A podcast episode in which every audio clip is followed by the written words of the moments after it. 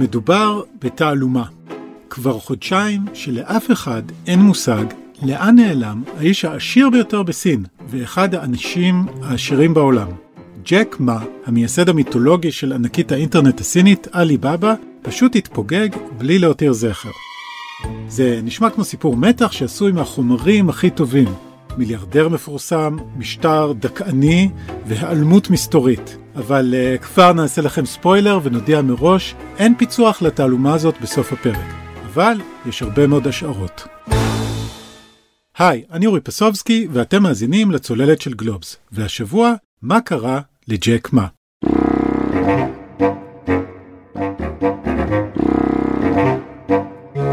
מי שיצלול איתנו לעומק הסיפור הזה ולכל המשמעויות שלו לסצנת הטכנולוגיה בסין ובכלל, הוא אופיר דור, כתב הייטק של גלובס שגם חי לא מעט שנים בסין. היי אופיר. היי אורי. אופיר, אנחנו יודעים שג'ק מה הוא בדרך כלל לא אדם שנחבא אל הכלים, איך נאמר. כן, נכון מאוד, הוא לא ממש אה, סולד מפרסום, אפשר לומר. בוא ניתן לך כמה דוגמאות. ב-2017 למשל, הוא מופיע במסיבה השנתית של עליבאבא, והוא עולה על הבמה לבוש לא פחות כמו מייקל ג'קסון. באותה שנה, דרך אגב, הוא מוצא זמן גם להופיע בסרט קונג פו קצר שהחברה שלו מפיקה, וזכה ליותר מ-170 מיליון צפיות באינטרנט. ב-2019 הוא גם ערך אירוע ל-60 אלף מוזמנים באיצטדיון האולימפי בעיר האנגג'ו, שזו העיר שבה נמצא המטה של הליבאבא, והוא חגג את אה, יום הולדתו ה-55, וגם באותה הזדמנות נפרד מתפקידו כיושב ראש החברה. כל אחד מהעובדים שהגיע לאירוע הזה קיבל אה, גם בקבוק שרדונה בקופסה מיוחדת שמקרינה הולוגרמה של ג'ק על הבקבוק. אוקיי, okay, אז נראה לי שהרעיון ברור, מדובר בבן אדם שחובב תשומת לב, אבל מאז אוקטובר האחרון הוא נעלם.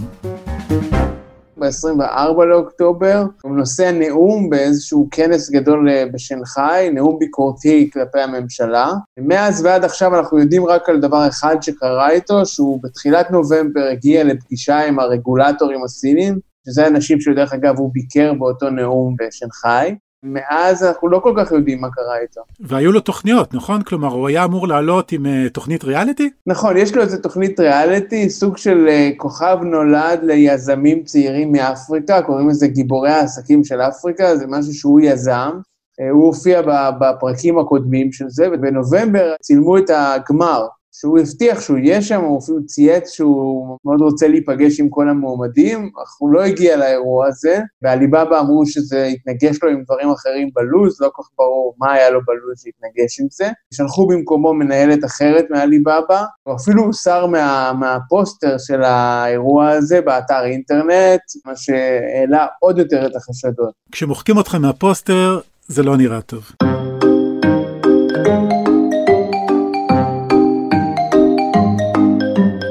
לפני שנדבר עוד על הנאום שהוא נשא והעימות בין ג'ק מה לבין הרגולטורים בסין ומה הוא אומר, בוא ניקח שנייה צעד אחורה לטובת מי שלא מכיר אותו, מי זה ג'ק מה? ג'ק מה זה הדבר הכי קרוב לחלום האמריקאי שיכול להיות בסין. זה איזושהי אגדה סינית על הילד הקטן מהאנגג'ו, שזה עיר במזרח סין, ילד עני יחסית, ילד שהיה רוכב אה, משהו כמו 20 קילומטר כל יום כדי להדריך תיירים באגם המערבי, זה המקום תיירות המרכזי של האנגג'ו, רק בשביל ללמוד אנגלית מהם. והוא הלך להיות מורה לאנגלית, אחרי זה היה מתורגמן, אחרי זה הגיע לארה"ב בתור מתורגמן, גילה את האינטרנט, פתח כמה עסקים עד שהוא הגיע לעליבאבא, שזו חברת מסחר, שהוא פתח אותה עם 17 שותפים בדירה של אשתו. החברה הזאת היא קטנה, אבל הצליחה לנצח את אי-ביי בסין, אז הוא גם אה, קבע את המשפט המפורסם שלו, אמר אי-ביי אולי כריש באוקיינוס, אבל אני קרוקדיל בנהר היאנגצה.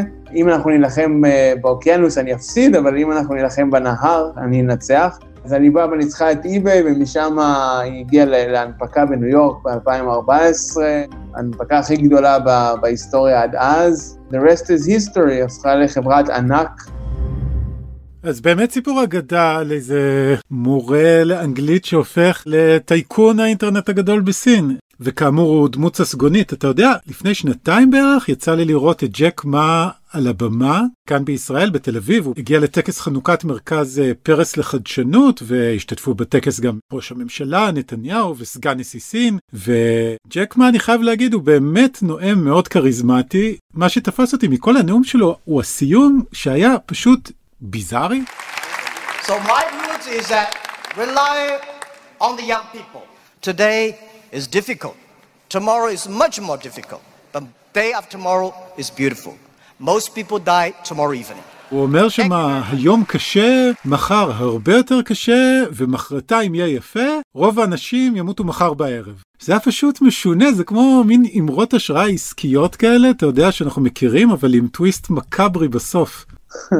זה לפעמים, אה, הוא גם אה, מאוד פרפורמר והוא אוהב כאילו לדבר, והרבה פעמים כן, יש לו משפטים שהם קצת עמומים ואתה לא לגמרי מבין אותם, האם יש משהו גאוני שפספסת או שזה היה סתם אה, משהו טיפשי שהוא אמר. ללא ספק אי אפשר להתווכח על הכריזמה, וגם כשהוא אומר את המשפטים האלה זה נשמע טוב. הנה אנחנו מדברים על זה שנתיים אחרי. כן. אבל בכל מקרה, נכון להגיד שג'ק מה יצר את סצנת האינטרנט בסין, באותה דירה עם עוד 17 שותפים? הוא תמיד מספר את הסיפור הזה כש...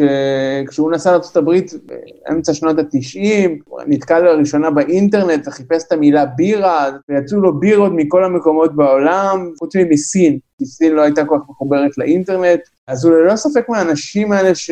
שעשו מהפכה אדירה בסין מבחינה דיגיטלית. הוא דבר ראשון הרגיל את הסינים לקנות באינטרנט, שזה לא הייתה משימה קלה. הסינים הם אנשים מאוד מאוד חשדניים, והם בהתחלה מאוד אה, פחדו לשלם למישהו שהם לא רואים אותו, שהם לא מכירים אותו, והם לא יודעים אם המוצר יגיע אליהם, והוא הצליח לשכנע אותם.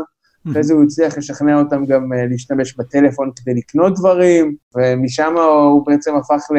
אני יודע, סוג של אמזון של סין, למרות שיש לו הרבה דברים שגם אמזון לא עושים, יש להם תוכנות תקשורת כזאת, כמו סטייל זום, יש לו שירותי ענן, יש לו הרבה דברים באינטרנט הסיני. אני כאילו חושב שאפילו אפשר להגיד שג'ק מה...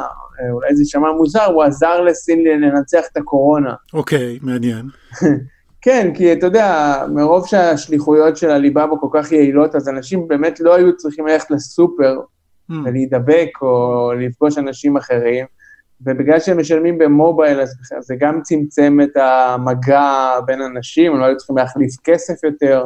אין כמעט היום כסף מזומן בסין, כולם עושים הכל דרך הטלפון.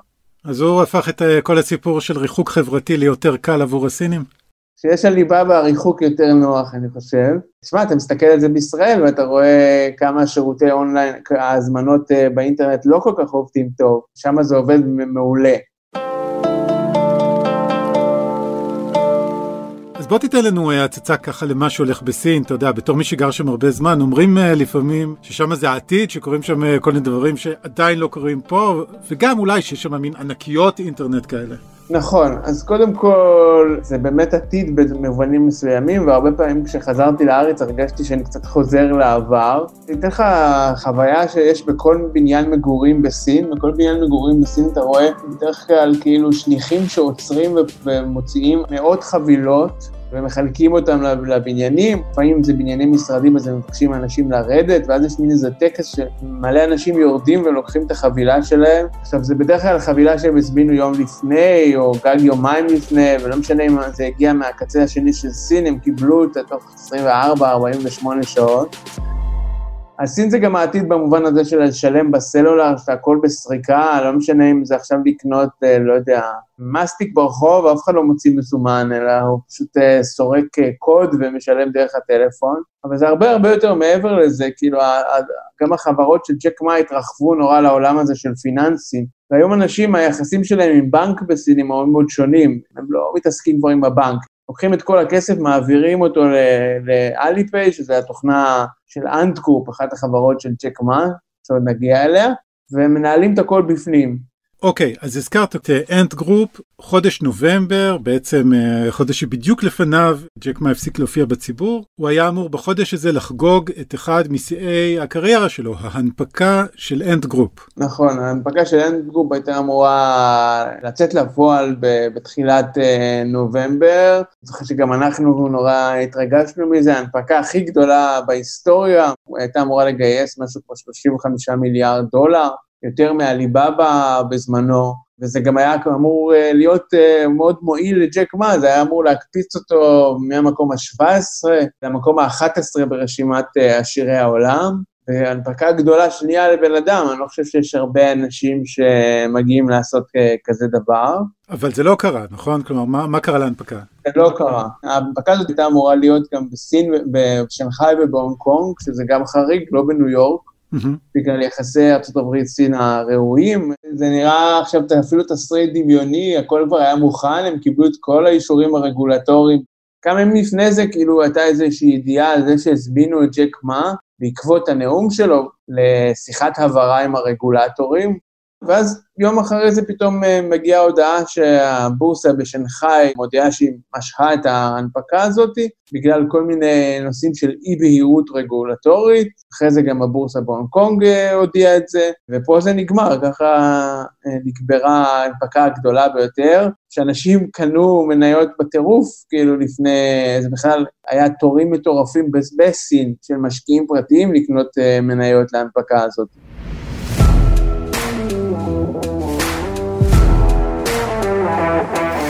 אז מה היה בנאום הזה שעצבן כל כך את הרגולטורים? צ'ק מה התחיל את הנאום הזה אולי בצורה קצת מעניינת. 我想我已经算是退休了，在这个官官方非官方的论坛上面。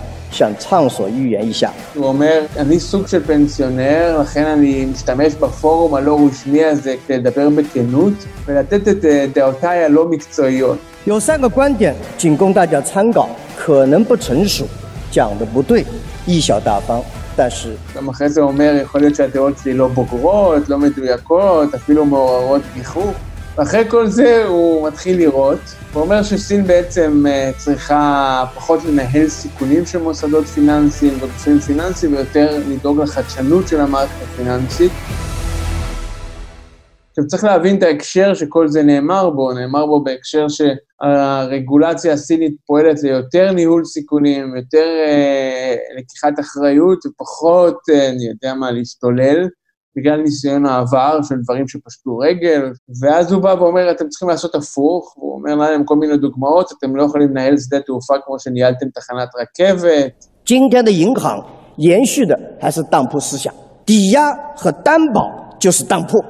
הוא קורא לבנקים אה, להפסיק עם המנטליות הזאת שהם עובדים כמו פון שופס, בתי אבות, שהם דורשים אה, ביטחונות וערבויות על הלוואות, ובמקום זה הוא אומר, תקשיבו, תסתמכו על ביג דאטה, תסתמכו על בינה מלאכותית בשביל לתת החלטות אשראי והלוואות. לא צריך לקחת אה, מכל אחד ביטחונות. אז בעצם הוא היזם שהולך ומעליב שם את כולם, אומר אתם מיושנים, תתעוררו אה, ותסירו ממני את הפיקוח בגדול. משהו כזה, כן, עכשיו צריך להבין שבאמת זה פורום מאוד מכובד, שהרבה מהאנשים המבוקרים גם אה, יושבים בקהל, והם פחות או יותר, אתה יודע, יש מושג בסינית שנקרא to lose face, לאבד פנים, שהסינים מאוד מאוד מאוד לא אוהבים שמישהו אומר להם ביקורת בפנים ומעליב אותם בפנים, קצת מה שג'ק מה עושה כאן. אומר להם, תקשיבו, אתם מיושנים, אתם זקנים, ואני העתיד. אחרי זה דברים ממש מתפתחים אה, מהר, פתאום מתחילים להתפרסם כל מיני סדרה של מאמרים בעיתונות נגדו, מצד הרגולטורים, לא נגדו אישית, אבל יותר נגד אנט גרופ, חברת הפיננסים, אז הם אומרים שהריבית שלה מאוד גבוהה, והיא עושקת אנשים, והיא גורמת לאנשים לקחת הלוואות מיותרות. עכשיו, זו אותה אנט גרופ שבעיתונות הסינית במשך שנים פיארו אותה על איך היא חברת פינטק מתקדמת, שמצעידה את סין לעתיד, וכמה סין מתקדמת בזכות כל הדברים האלה, אז פתאום הכל התהפך. הוא מוזמן לפגישה עם הרגולטורים, ההנפקה מבוטלת, פתאום סין מפרסמת כל מיני חוקים על הגבלים עסקיים שמאוד פונים לחברות אינטרנט כמו עליבאבא, גם אחרי זה יש הודעה שעליבאבא נחקרת על התנהגות מונופוליסטית. בקיצור, אה, נהיה סמטוחה אחת גדולה מאז הנאום הזה. התהפכו עליו. לגמרי. בהקשר אה, קצת יותר רחב, איך אנחנו יכולים להבין את שרשרת ההתרחשויות הדרמטית הזאת? קודם כל, באמת קצת לקחת איזושהי הסתכלות אחורה, לזכור שאנחנו קודם כל מתעסקים עם מפלגה קומוניסטית, יש כאלה שיגידו לך שהמפלגה הקומוניסטית בסין היא קומוניסטית רק בשם, וזה אולי גם באיזשהו מקום אה, נכון, אבל זה עדיין מפלגה קומוניסטית, שהיא עלתה לשלטון עם איזשהו מצע של לדכא את היזמות הפרטית, סוציאליזם, קומוניזם, זה לא בדיוק עבד, אני חושב, במובן הכלכלי, הם דיכאו כל יוזמה פרטית וזה הביא לעוני מחריד. כן. מדברים על תקופת מאו צטונג. אחרי שמאו מת באמצע שנות ה-70, מגיע דנג סיאופינג, משנה את הדברים. הוא הולך אה, ונותן הרבה יותר מקום ליזמים, לאנשי עסקים, או אפילו בתחילת אה, המאה ה-21, רחמנא ליצלן, אפשר להגיד, יזמים פרטיים נכנסים למפלגה הקומוניסטית באופן רשמי, הופכים לחברים, אפילו ג'ק מה חבר במפלגה הקומוניסטית. אז כל זה קורה, ואז מגיע נשיא חדש שקוראים לו שי ג'ינפינג, וגם דברים עוד פעם מתחילים להשתנות. שי ג'ינפינג עולה ב-2012, יש איזו תחושה של התרופפות במפלגה שמביאה את העלייה שלו. יש תחושה שהמנהיגים עושים מה שהם רוצים, יש הרבה שחיתות, שלא לא כל כך סופרים את המפלגה. והוא מחליט לעשות קמפיין, להחזיר את השליטה של המפלגה, כלפי מלחמה בשחיתות, יותר ויותר אנשי עסקים נעצרים על שחיתות, על אה, כל מיני עבירות אחרות. אז אם יש לנו דמות אחת גדולה מהחיים של ג'ק מה, פתאום הוא מוצא את עצמו מול דמות גדולה אחרת של שי ג'ינפינג, נכון לי לתאר את זה ככה? סוג של זה נכון. ג'ק מה הוא תוצר של העידן הזה של דנג סיאופינג בעצם, של העידן הזה של גלובליזציה, של סין שרוצה להיות חלק מהכלכלה העולמית, של סין שרוצה לעודד יוזמה, של סין שרוצה לקדם את הכלכלה דרך יזמים פרטיים, ואז הוא קיבל יחסית הרבה חופש, גם לדבר קצת, וגם לעשות דברים, ופתאום אולי הוא לא שם לב, אולי הוא כן שם לב, אבל לא הצליח לעכל את זה, שהזמנים השתנו, ובעידן של שי ג'ינפינג אין מקום למישהו שהוא כל כך דומיננטי. זה מצחיק, באחד העיתונים הממשלתיים פרסמו איזה משפט שאמר, זה לא העידן של ג'ק מה, אלא העידן שג'ק מה חי בו. זאת אומרת, ג'ק מה הפך לכזה סמל גדול של העידן הזה, אבל הם רוצים לשים את זה בפרופורציה. צ'ק מה, הוא לא המוביל פה, הממשלה היא המובילה, ואתה קיבלת איזושהי זכות להיות חלק מזה. ומה, הוא אמר ככה על הממשלה לאורך השנים? אז אולי נשמע איזה משפט אחד שהוא אומר על הממשלה. As I always in love with them, but don't marry them, mm-hmm. you know? Mm-hmm. Talk to them, listen to their problem. Government does not need you to say, I love you. The government wants to know that you can solve their problems. בקטע הזה אנחנו שומעים את ג'ק מאו, הוא אומר שצריך להתאהב בממשלה, אבל לעולם לא להינשא לה, זה עוד אחד מהמשפטים ה... אולי גאוניים, טיפה עמומים שלו, אבל בכל מקרה, מה שג'ק מה עשה זה, הוא לפעמים דווקא כן ביקר את הממשלה, ולפעמים אפילו נלחם ברגולציה, ואפילו הצליח בזה, אבל הוא תמיד ידע כאילו להביא תועלת לממשלה הסינית. אם הממשלה הסינית הייתה מתחילה איזשהו קמפיין, למשל למגר את העוני בכפרים, הוא מיד הלך ועשה כל מיני יוזמות של להקים כפרים שהתמקדו במסחר מקוון, וימכרו את כל התוצרת שלהם באינטרנט. אם שי ג'ינפינג נתן נאום על גלובליזציה, אז פתאום ג'ק מה נוסע הברית ואומר שהוא מבטיח לעזור לחברות אמריקאיות לייצא לסין. אבל מצד שני, הוא ידע להיות useful לממשלה במשך הרבה זמן ולקדם את המטרות של הממשלה. ג'ק מה ב-2018 מודיע שהוא פורש מהתפקיד אה, של יושב ראש עליבאבא, הוא פרש בעצם שנה לאחר מכן, וזה היה גם נתפס כאיזשהו סימן שמישהו אמר לו להוריד הילוך, הוא כמובן הכחיש את זה, אבל זה היה נראה ככה, והוא נכנס לבעצם תקופה שהוא היה אמור להיות בה באמת פנסיונר שמתעסק בפילנטרופיה, עד לנאום הזה, שהיה אולי טיפה יותר מדי.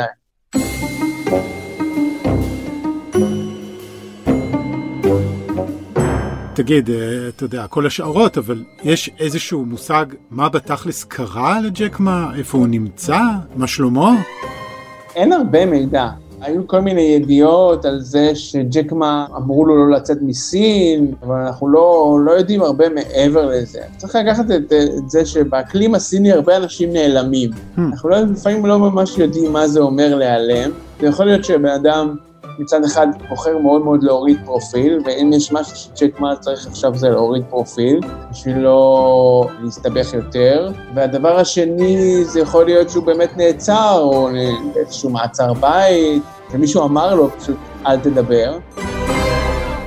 ביום שלישי היה דיווח של CNBC, שהכתב של CNBC טוען שהוא דיבר עם אנשים אה, מקורבים או יודעי דבר, וג'קמה לא ממש נעלם, אלא בחר להוריד פרופיל, אה, בחר לא להתבטא אה, בתקופה הזאת. שהוא עדיין נמצא בהאנגג'ו, האנגג'ו זה גם עיר הולדתו וגם העיר שבה נוסדה עליבאבא, מצבו טוב, וזה דיווח שנתן אופטימיות למשקיעים, ומניית עליבאבא עלתה בתגובה לזה. אנשים חשבו על גורל יותר חמור, אבל גם אחרי הדיווח הזה הכל נורא מעורפל, ואנחנו לא יודעים אם מישהו אמר לו להוריד פרופיל, הוא בחר מרצונו, אז ככה שנשארו הרבה, עדיין הרבה סימני שאלה סביב מה קרה לג'ק. העיתונאי ב-CNBC אה, אמר שלדעתו ג'ק מה מתכוון להוריד פרופיל למשך אה, כמה חודשים, אבל המצב מאוד מאוד מאוד נזיל, אז אה, קשה לדעת איך זה יסתיים, ומי יודע, כאילו, פתאום אולי נשמע מג'ק מה. כן, יכול להיות שעד שתשמעו את הפרק באמת, הוא כבר יופיע, אבל בינתיים, אתה יודע, אני מניח שלא הייתה איזו התייחסות רשמית של המשפחה שלו, או לחלופין של המשטר, לכל הסיפור הזה. ממש ממש לא. עכשיו, צריך להבין גם בסין שגם כשאנשים נעצרים בסין, המשטרה אף פעם לא מודיעה שהם נעצרים, או לפחות לוקח לה הרבה זמן להודיע שהם נעצרים. אני מדבר גם על אנשים מאוד מאוד פשוטים, לפעמים המשפחה שלהם לא לגמרי יודעת איפה הם, ואז מתברר שהם בכלל בכלא. בנושאים כאלה רגישים יש הרבה איפול, ואף אחד בסין לא מדבר על הדברים האלה, לכן אין לנו מושג מה קורה איתו. כל האופציות פתוחות.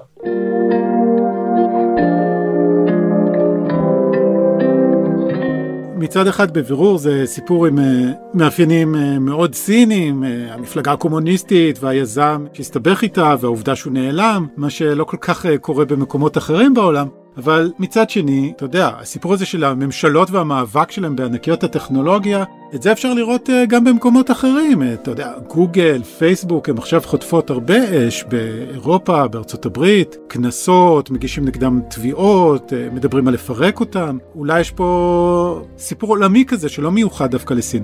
אנחנו רואים בחודשים האחרונים מעבר לג'ק מה גם איזושהי קריאה של סין לפקח יותר על חברות האינטרנט הגדולות, עליבאבא זה אחת מהן, אבל יש גם טנסנט ו-JD ומייטואן, יש הרבה חברות אינטרנט שהן המקבילות לגוגל, פייסבוק, אמזון בסין, וגם הם זכו מאוד מאוד דומה לחברות האמריקאיות ליחס מאוד מקל, נוח, מהשלטונות, בלי הרבה רגולציה. בחודשים האחרונים אנחנו שומעים בהקשר, יחד עם הסיפור הזה של ג'ק מה, אנחנו שומעים על זה שצריך יותר אה, חוקים של הגבלים עסקיים, ושצריך להתמודד איתם יותר, נכנסו כאלה חוקים שנגיד אסור להם לסבסד שירותים בשביל לחסן מתחרים, או אסור להם לחתום על חוזים בלעדיים, אז הממשל גם אומר ש-2021 תהיה שנת המאבק במונופולים באיזשהו אופן, אז יש גם את האלמנט הזה בתוך זה. כן, עד כאן זה נשמע מוכר. זה נשמע מוכר, אבל זה נשמע מוכר בגלל השוני של המשטר בסין, והעניין הזה שבעצם המטרה המרכזית של המשטר היא קודם כל אה, שאף אחד לא יאיים עליו, ולכן יש פה כל מיני אלמנטים שונים, גם אה, אתה יודע, בניגוד לארה"ב, שנגיד אה, מרק צוקרברג הוא דמות מאוד מאוד שנויה במחלוקת, ג'ק מן לא היה שנוי במחלוקת עד לפני כל האירוע הזה, עכשיו זה קצת משתנה, אבל הוא היה דמות יחסית חיובית, ויחסית, אה, בסדר, היו אולי כמה שלא אהבו אותו, אבל הרוב אהבו אותו. אתה יודע, אני נזכר, אה, הייתה לי לפני שנה, שיחה עם אה, פרופסור ארי גולדמן, משפטן אמריקאי, מומחה לטכנולוגיה מאוניברסיטת סנטה קלרה בקליפורניה. נפגשנו בתל אביב באיזה יום קפוא, זה כשעוד אפשר היה להגיע לפה לפני הקורונה, והטענה שלו הייתה שאנחנו נמצאים בקרב שבו הממשלות פשוט מנסות להשתלט על האינטרנט, וכל החזיתות השונות האלה שמדברים עליהן, אה, פרטיות, או מאבק במונופולים, או הצורך להילחם בפייק ניוז, זה הכל אותו דבר, זה הכל כלים במאבק הזה של הרגולטורים, של, אה, אתה יודע, של המדינה בעצם, שמנסה אה, לוודא שחברות האינטרנט עושות מה שהם רוצים, מה שהמדינה רוצה, ובסוף הוא חושב שהממשלה תשלוט באינטרנט. במובן הזה, זה קצת מזכיר. כן, זה קצת מזכיר. בסין, דרך אגב, הממשלה יש לה באמת הרבה שליטה על האינטרנט, כי החברות האלה אמורות אה, לפחות אה, לציית לכללים של הצנזורה, והן בדרך כלל גם עושות את זה. זה, כן, אני גם כן קצת נקרא לגבי הסיפור הזה, ואני לא יודע להגיד אם זה עניין פרסונלי נגד ג'ק מה ספציפית, או שבאמת סין נחושה להילחם בכל המונופולים האלה, בכל החברות החזקות האלה, שהיא כיבתה אותם, היא הפכה אותם לכאלה חזקות במהלך השנים, ואולי עכשיו היא, היא שינתה את דעתה, אז אני גם ככה עוד לא החלטתי האם זה באמת משתלב בכל התמה העולמית הזאת, או שזה עניין אה, סיני פנימי ייחודי. טוב, תשמע, כמו שאתה אמרת, אף אחד לא יודע מה קורה, יש המון סימני שאלה. בכל זאת, אתה יכול לנסות לנחש מה הולך לקרות עכשיו? תשמע, זה ניחוש קשה, אבל דבר אחד אפשר להגיד, אני לפחות לא רואה את ג'ק מה חוזר להיות הכוכב שהוא היה. יש איזו דוגמה של אה, שחקנית מאוד מפורסמת בסין, אולי השחקנית המפורסמת בסין, פאן בינג בינג, שגם היא נעלמה יום אחד. היא נעלמה כשהאשימו אותה בהעלמות מס, והיא חזרה אחרי שלושה חודשים, שילמה קנס, התנצלה מאוד יפה, אבל היא לא חזרה אף פעם להיות הכוכבת הגדולה שהיא, שהיא הייתה. אני חושב שגם עם ג'ק מה זה נראה לי שזה לא יקרה, זאת אומרת, גם אם הוא יופיע ויתברר שהוא לא בכלא על משהו, אני חושב שהוא יהיה בפרופיל מאוד מאוד נמוך. אוקיי, אופיר, אני מניח שאתה עוד תמשיך לעקוב אחרי הסיפור הזה. כן, אז זה, באמת סיפור בלתי ייאמן, ואנחנו נמשיך לעדכן בעיתון ובאתר גלובס על uh, המשך קורותיו של ג'ק מה, מה שלא יקרה איתו. אוקיי, אופיר דור, תודה רבה. תודה רבה. עד כאן עוד פרק של הצוללת. אתם יכולים לעקוב אחרינו באתר גלובס, בספוטיפיי או בכל מקום שבו אתם מאזינים לפודקאסטים. אתם מוזמנות ומוזמנים כמובן לשלוח את הפרק לחבר שעוד לא שמע עלינו, וגם לתת לנו דירוג גבוה באפל פודקאסט, זה עוזר לנו להגיע לעוד אנשים. תודה לעורך הפודקאסטים רון טוביה ולכל צוות הצוללת, אני אורי פסובסקי, ביי!